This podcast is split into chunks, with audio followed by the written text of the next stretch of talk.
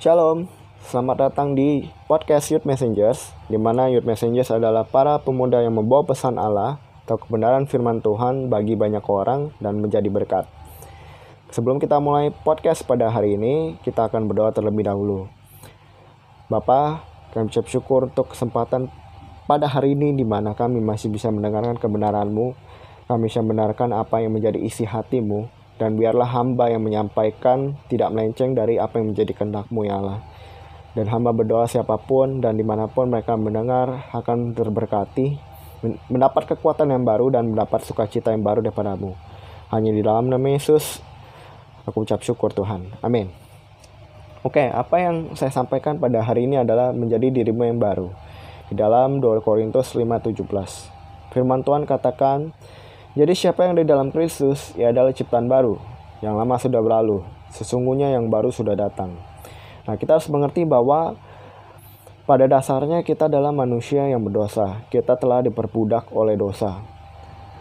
Yang tadinya kita hidup di dalam dosa, jatuh terus di dalam dosa, sekarang Kristus hadir untuk menebus kita supaya kita tidak lagi diperbudak oleh dosa melainkan supaya kita bisa hidup di dalam tuntunan kebenaran melalui Roh Kudus. Nah, dalam Perjanjian Lama, ketika kita berdosa, kita harus melakukan hukum Taurat dalam artian kita harus memberikan korban bakaran untuk penebusan dosa kita. Tentu kita sadar bahwa penebusan yang kita lakukan pada perjanjian lama, manusia lakukan pada perjanjian lama itu tidak sempurna karena korban bakarannya adalah melalui darah binatang. Itu tidak pernah sempurna dan tidak akan pernah bisa menggantikan darah Kristus yang adalah korban bakaran sejati. Kalau darah binatang itu hanya bersifat sementara, tapi darah Kristus yang menebus kita itu bersifat kekal dan selamanya. Artinya kehadiran Kristus adalah penembusan yang luar biasa bagi kita semua yang tadinya kita diperbudak oleh dosa, tapi sekarang kita menjadi hamba Kristus. Kita menjadi anak Allah. Status kita berpindah dari sesuatu yang sia-sia hidupnya sekarang menjadi sesuatu yang luar biasa, yaitu adalah menjadi ciptaan yang baru yang dituntun melalui Roh Kudus supaya kita bisa serupa dengan Allah Bapa. Artinya kalau kita mengerti kita adalah ciptaan yang baru, kita harus meninggalkan kebiasaan-kebiasaan yang lama, kebiasaan-kebiasaan yang jelek, karakter-karakter lama yang jelek. Kita mau nih dituntun oleh kebenaran supaya kita menjadi agen perubahan di mana pun kita berada. Nah artinya karakter-karakter kita yang lama kita kikis nih, bukan berarti kita langsung jebret gitu, langsung jadi orang yang berubah total. Enggak, ada prosesnya, ada progresnya di mana kita mau dituntun oleh kebenaran dan kita sendiri pun mau berjuang nih untuk membuat kita menjadi orang yang benar-benar baru. Kita bisa bahkan bisa menjadi agen perubahan bagi setiap orang yang ada di sekitar kita yang mengenal kita gitu loh. Ya dari hal yang sederhana lah, misalnya seandainya yang tadinya kita egois, yang apa-apa maunya keinginan kita sendiri mulu yang diturutin. Apalagi di dalam keluarga, apa apa pun yang pengen kita pengen gitu ya harus diturutin mulu sama orang tua gitu. Ya kita harus ubah karakter yang jelek seperti itu yang tadinya kita cuma mikirin ke kepentingan sendiri kita udah mulai nih mikirin kepentingan orang tua kita.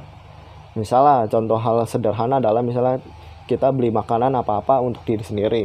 Apalagi makan enak gitu nggak pernah ngajak orang tua nggak pernah beliin orang tua kita udah mulai ubah nih kita kita udah mulai pedulikan mereka kita bawain makanan. Sekali lah maksudnya nggak nggak harus sering-sering juga misal makanan enak yang mahal kita kasih ke mereka gitu loh. Atau kita ajak mereka jalan-jalan terus makan di tempat yang mereka suka. Itu hal yang sederhana yang bisa sama-sama kita lakukan untuk lebih peduli dengan orang lain. Lebih peduli dengan keluarga sendiri bukan kepentingan kita sendiri aja itu pun terjadi kalau seandainya kita berdoa nih yang tadinya kita egois pengennya aku aku aku mulu yang kehendak kita mulu keinginan kita mulu yang pengen diwujudkan. Tadinya kita berdoa Tuhan aku pengen ini.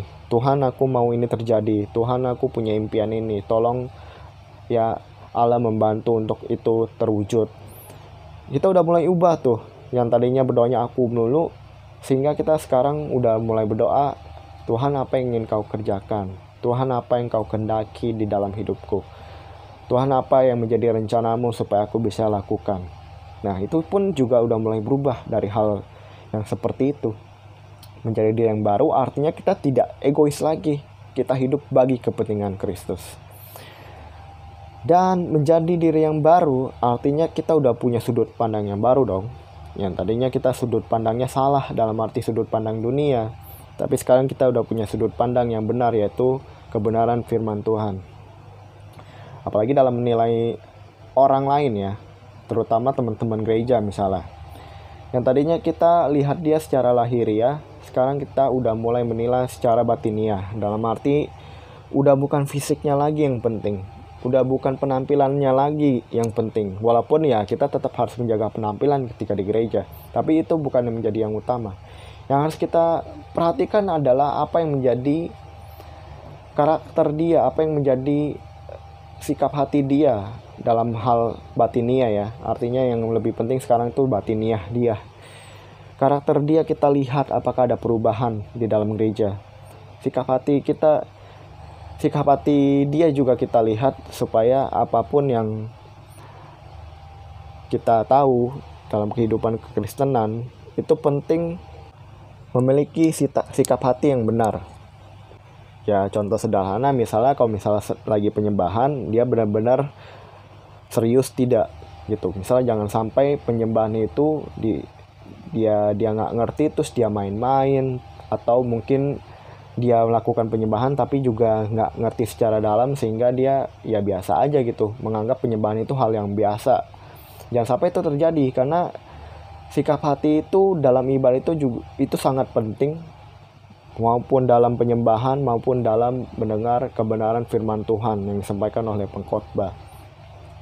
Sehingga kita mengerti betul nih bahwa apa yang menjadi penting adalah karakter mereka sikap hati mereka pertumbuhan rohani mereka. Itu yang menjadi utama itu yang menjadi concern kita supaya kita para pemimpin-pemimpin rohani kita yang adalah kakak-kakak rohani memperhatikan hal itu lebih utama daripada fisik ataupun penampilan.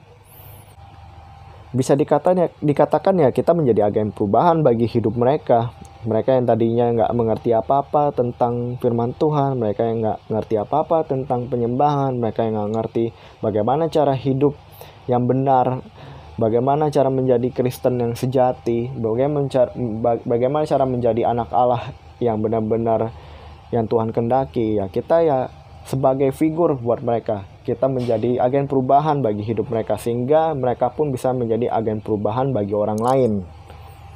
Nah, kalau kita kembali ke 2 Korintus 5:17, di situ dikatakan, "Jadi siapa yang ada di dalam Kristus, ia adalah ciptaan baru." Ada kata yang penting bahwa di situ dikatakan siapa yang ada di dalam Kristus, ia adalah ciptaan baru. Artinya kalau kita mau menjadi ciptaan yang baru, kita harus tinggal di dalam Kristus. Dan dengan tuntunan Kristus yang ada di dalam hidup kita, kita bisa melakukan kebenaran firman Tuhan. Kita bisa mengikis manusia lama kita menjadi manusia yang baru kita bisa yang tadinya benar-benar cara hidup kita sia-sia sekarang menjadi luar biasa. Sekarang kita benar-benar totali berubah karena Kristus ada di dalam kita. Karena kata kunci yang penting adalah di mana kita hidup di dalam Kristus, tetap hidup di dalam kebenarannya, dan kita tidak meninggalkan hubungan setiap hari yang kita bangun dengan Allah Bapa. Jangan sampai itu menjadi kendor, jangan sampai itu menjadi jauh hubungan kita dengan Bapa oleh karena masalah-masalah yang kita nggak mengerti bagaimana jalan keluarnya. Salah satunya misalnya corona yang harus kita hadapi untuk saat ini. Ya memang segala sesuatu Tuhan izinkan terjadi supaya kita mengerti bahwa kita nggak bisa hidup sendiri. Kita benar-benar harus hidup di dalam Kristus dan harus bergantung padanya. Apa pun yang terjadi yang di dalam dunia saat ini atau di Indonesia saat ini seperti kita tahu virus corona makin bertambah dan tidak makin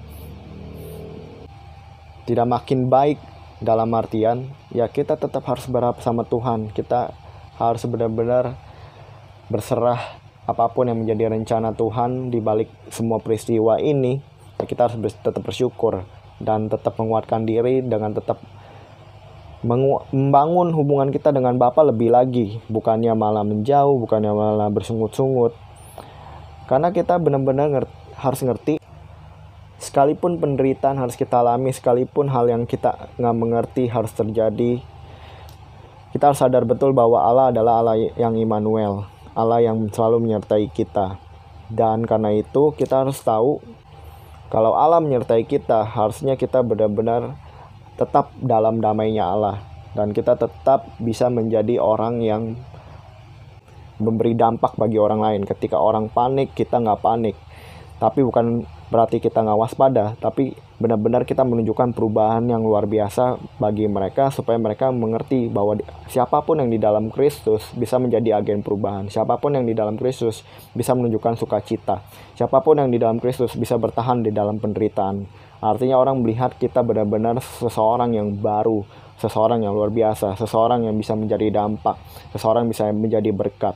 Untuk itulah pentingnya kita membangun terus hubungan dengan Tuhan pentingnya tetap kita mempelajari kebenaran firman Tuhan supaya kita tetap menjadi orang yang mau diproses terus dari hari demi hari supaya suatu saat kita akan menjadi sempurna seperti Bapa.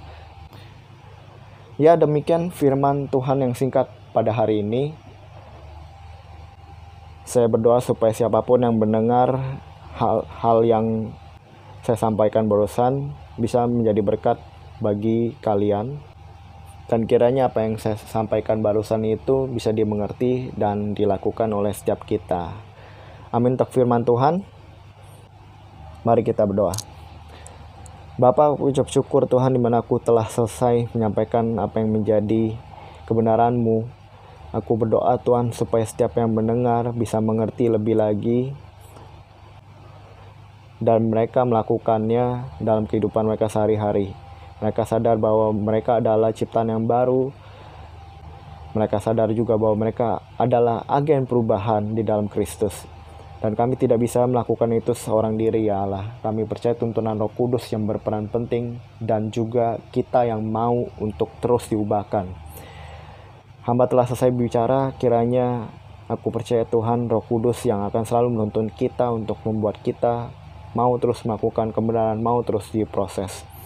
Aku percaya Tuhan bahwa Engkau selalu menyertai kita di mana pun dan kapan pun. Dan kapan pun itu kami percaya tuntunanmu selalu sempurna menyertai kita selamanya dalam keadaan apa pun yang kita harus hadapi.